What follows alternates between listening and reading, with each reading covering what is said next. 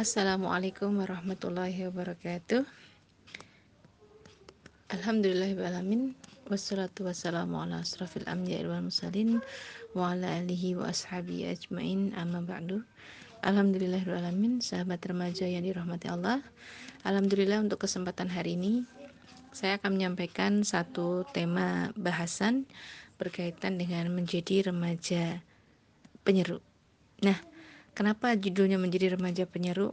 Karena hari ini banyak kita temui remaja itu hanya menjadi objek ya.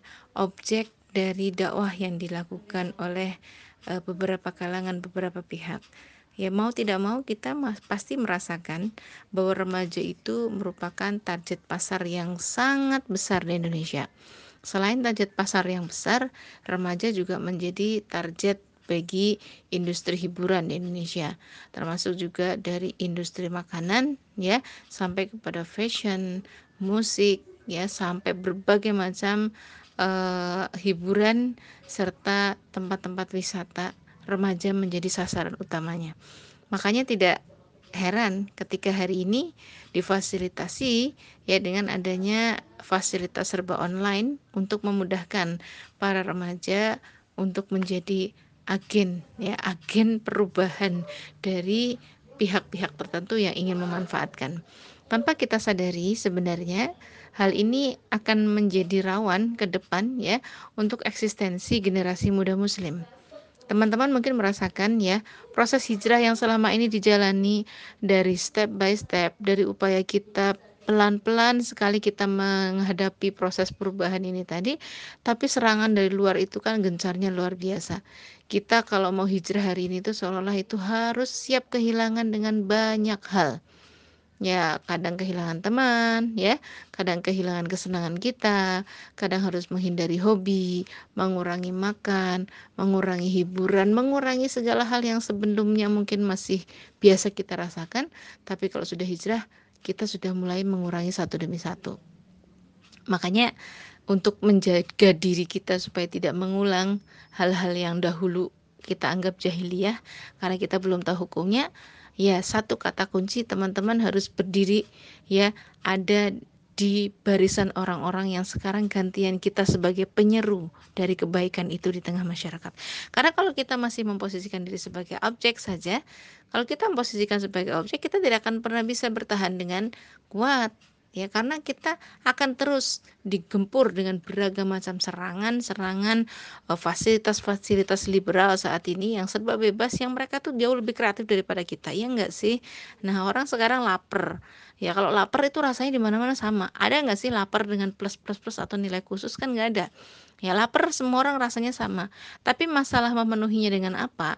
Ya memenuhinya dengan apa? Inilah yang berbeda setiap orangnya memenuhi dengan apa yang berbeda inilah yang kemudian dimanfaatkan oleh pihak-pihak tertentu dengan cara mereka mempromosikan jualannya melalui online, melalui uh, beragam macam publikasi yang sangat menarik sampai akhirnya kita itu dibikin rasa laparnya itu seolah-olah puas enggaknya terpenuhi ketika memakan ini itu dan sebagainya belum nanti dengan kesenangan-kesenangan yang lain. Nah, ini kan betapa ternyata kita hari ini sekuat-kuat yang kita bertahan kalau kita tetap memposisikan diri sebagai objek ya objek dari yang ada saat ini di masyarakat ya kita akan terus digempur dengan hal-hal yang baru dan terus kreatif mereka untuk senantiasa menyeru kita agar mengikuti apa-apa yang dikehendaki oleh pihak-pihak tertentu. Nah, oleh karena itu saya ajak teman-teman remaja di sini, ayo jadi remaja penyeru. Nah, remaja penyeru itu apa sih maksudnya? Ya, remaja yang tidak berdiri tidak hanya sebagai objek, tapi dia harus siap menjadi subjek perubahan di tengah masyarakat kita di tengah kondisi akhir ini. Ya kita harus tahu ya bahwasanya menjadi remaja penyeru itu bukan perkara yang mudah, susah-susah banget gitu ya. Makanya kan Allah mengingatkan kita di dalam ayatnya di An-Nisa ayat 65 A'udzubillahi minasyaitonirrajim Fala warabbuka la yu'minuna hatta yuhakimuka fi ma sajara bainahum summa yajidu fi anfusihim kharajan mimma qadaita wa yusallimu taslima Masya Allah, ayat yang sangat menyentuh sekali. Maka demi Rabbmu, mereka pada hakikatnya tidak beriman sehingga mereka menjadikan kamu hakim Ya, kamu di sini Rasulullah menjadi hakim terhadap perkara yang mereka perselisihkan. Kemudian mereka tidak merasa dalam hati mereka sesuatu keberatan terhadap keputusan yang kamu berikan dan mereka menerima dengan sepenuhnya. Masya Allah, ini loh karakteristik seorang muslim itu ya tidak beriman. Seseorang itu tidak dikatakan beriman kalau sebelum kita menjadikan perkara-perkara syariat ini menjadi hakim atas perkara-perkara atau masalah-masalah yang terjadi di antara kita. Udah belum? Teman-teman di sini udah belum semuanya? Setiap masalah kita selalu jadikan syariat ini sebagai solusi terus seluruh masalah kita. Ini namanya ibadah. The real ibadah itu kalau seluruh masalah kita dalam kehidupan selesaikan semuanya pakai syariat. Enggak semua kita ya kan? Kita kembalikan semuanya kepada hukum Allah. Sudah begitu atau belum? Bahkan sampai kepada uh, di dalam hati mereka tidak ada sesuatu keberatan pun. Nah kadang kita pakai jilbab masih keberatan panas, ya, masih diomong orang. Apa tuh tadi? Menjadi remaja penyeru yang kita suka dakwin orang, ditinggalin teman-teman, dikata sok suci, dikatain dan sebagainya. Gitu aja kita sudah down. Padahal justru ya orang yang dikatakan di dalam ayat ini tidak beriman. Sampai seseorang itu menjadikan uh, syariat atau Rasulullah di sini menjadi hakim ya atas seluruh perkara yang mereka selisihkan dan mereka menerima ya menerima dengan hati mereka itu tanpa keberatan ya tanpa keberatan terhadap apa pun syariat ataupun keputusan yang diambil oleh Rasulullah. Coba kira-kira berjilbab itu keputusan atau e, pilihan sih? Itu keputusan yang tinggal kita tuh melaksanakan. Jadi bukan kita itu bukan pilihan, bukan hiarnya kita, bukan pilihannya kita. Saya mau pakai nggak pakai. Ntar dia pakai jilbabnya nungguin hatinya dijilbabin dulu. Emang bisa itu dikerudungin hatinya? Kan nggak bisa. Ya kan? Nah, yang menjadi permasalahan itu bukan pilihan, ini keputusan. Sehingga kita bisa menerima keputusan dengan apa namanya? hati yang tanpa keberatan atau bagaimana. Nah, itu tergantung dari kualitas kita menerima syariat Allah dengan cara seperti apa. Dan satu lagi, mereka mereka menerima dengan wa yusallimu taslima. Menerima dengan senerima-nerimanya, menerima dengan sepenuhnya. Masya Allah, kita loh kadang kita baru ngaji di satu tempat aja suka banding-bandingin itu di sana begini, di sini begini. Ya udah deh nyari yang paling gampang. Atau ih kok itu ngajinya begini. Ya ini karena apa? Bisa jadi kita karena ketidaktahuan kita terhadap masalah uh, usulnya ya masalah yang pokok mendasar kenapa terjadi masalah khilafiyah masalah perbedaan ujung-ujungnya kita hanya mencari yang paling mudah ya nggak gitu caranya kali sister ya Bukan begitu caranya kita ketika memang kita mau mengimani syariatnya Allah. Ada hukum qat'i dan ada hukum yang zon. Ya zon di situ boleh ada peluang terjadi perbedaan pendapat. Kalau terjadi perbedaan pendapat, cari pendapat yang paling kuat. Lah kalau kita sendiri nggak tahu dalilnya gimana mau cari pendapat yang paling kuat yang ada pakai hawa nafsu ujung-ujungnya. Ya, menjadi remaja penyeru poin pertamanya ingat harus beriman dengan menyerahkan diri secara total. Tidak ada keberatan dari seluruh syariat yang Allah telah tetapkan kepada kita. Jangan pilih-pilih. Ingat Islam itu bukan seperti orang lagi prasmanan. Tahu kan orang lagi prasmanan kayak apa? Ada makanan itu di meja, kita pilih mau milih makan bakso, apa makan pecel, apa makan soto ya. Emang bisa syariat Allah itu dibegitukan? Enggak bisa.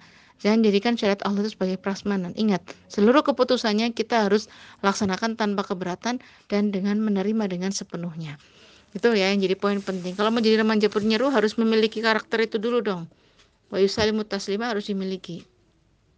Di sisi yang lain juga Allah sudah mengingatkan kita di Al-Hasir. Wa ma atakumur rasulu fakhuduhu wa nahakum anhu fantahu. Bayangkan, apa yang diberikan Rasul kepadamu maka terimalah dan apa yang dilarangnya oleh Rasul bagimu maka tinggalkanlah. Masya Allah itu loh itu sebuah perintah. Kalau udah diberikan sama Rasul ambil, kalau dilarang jangan dipakai, tinggalkan. Nah sekarang kata kuncinya kita udah tahu semua belum apa yang disuruh diambil sama disuruh tinggalin. Kalau belum ya udah jangan merasa sok pintar kita, merasa cukup, udah merasa yang paling baik, merasa yang paling sudah tahu semuanya, udah jadi kita jadi soleha aja, udah berkerudung aja, udah lebih baik enak aja. Emang syariat cuma itu doang ya kan? Syariat Islam itu banyak macamnya banyak sekali. Kalau digali ilmu Islam itu sangat luas. Nggak habis kita itu berbicara ilmu dalam waktu 30 tahun ratusan tahun nggak habis. Karena ilmu Allah itu sangat luar biasa di sinilah teman-teman. Ayo selain kita tadi ya menerima Islam tanpa keberatan apa yang diberikan Rasul ambil dan apa yang dilarang tinggalkan. Di sisi yang lain sekarang adalah apa? Jadi penyerunya. Sampaikan balik ani walau ayah. Sampaikan meskipun satu ayat. Teman-teman tahu apa pun hukum apa pun tahu ilmu apa pun pernah ngaji di mana sampaikan sampaikan sampaikan. Itu bagian eh, paling pentingnya justru ketika kita mau istiqomah satu kata kunci kalau kita mau istiqomah jadilah pendakwah ya karena mau nggak mau pendakwah itu ngomongin orang plus ngomongin diri sendiri karena kalau nggak berubah dia ngomongin orang tapi nggak pintar diri sendiri ada sentilan dari Allah kabur maktan endallahi antakulu malataf alun Allah marah besar terhadap orang-orang yang mengatakan tapi tidak melakukan. Nah, naudzubillah min dzalik. Makanya kita kalau mau istiqomah dakwah. Jadilah remaja penyeru. Ayo, teman-teman jangan stepnya jangan berhenti pada diri kita aja nih. Teman-teman harus berani untuk bisa menyampaikan kepada orang-orang di sekitar kita, keluarga kita. Dakwah dengan cara yang paling baik. Ingat, jangan memaksa orang ya. Tapi dakwah sesuai dengan lihat dengan siapa kita bicara. Jadilah remaja penyeru supaya kita tetap bisa istiqomah ya tetap bisa istiqomah tetap bisa menjadi subjek dari perubahan yang ada di depan mata. Semoga bermanfaat. Tetap semangat untuk mengkaji Islam. Fastabiqul khairat. Assalamualaikum warahmatullahi wabarakatuh.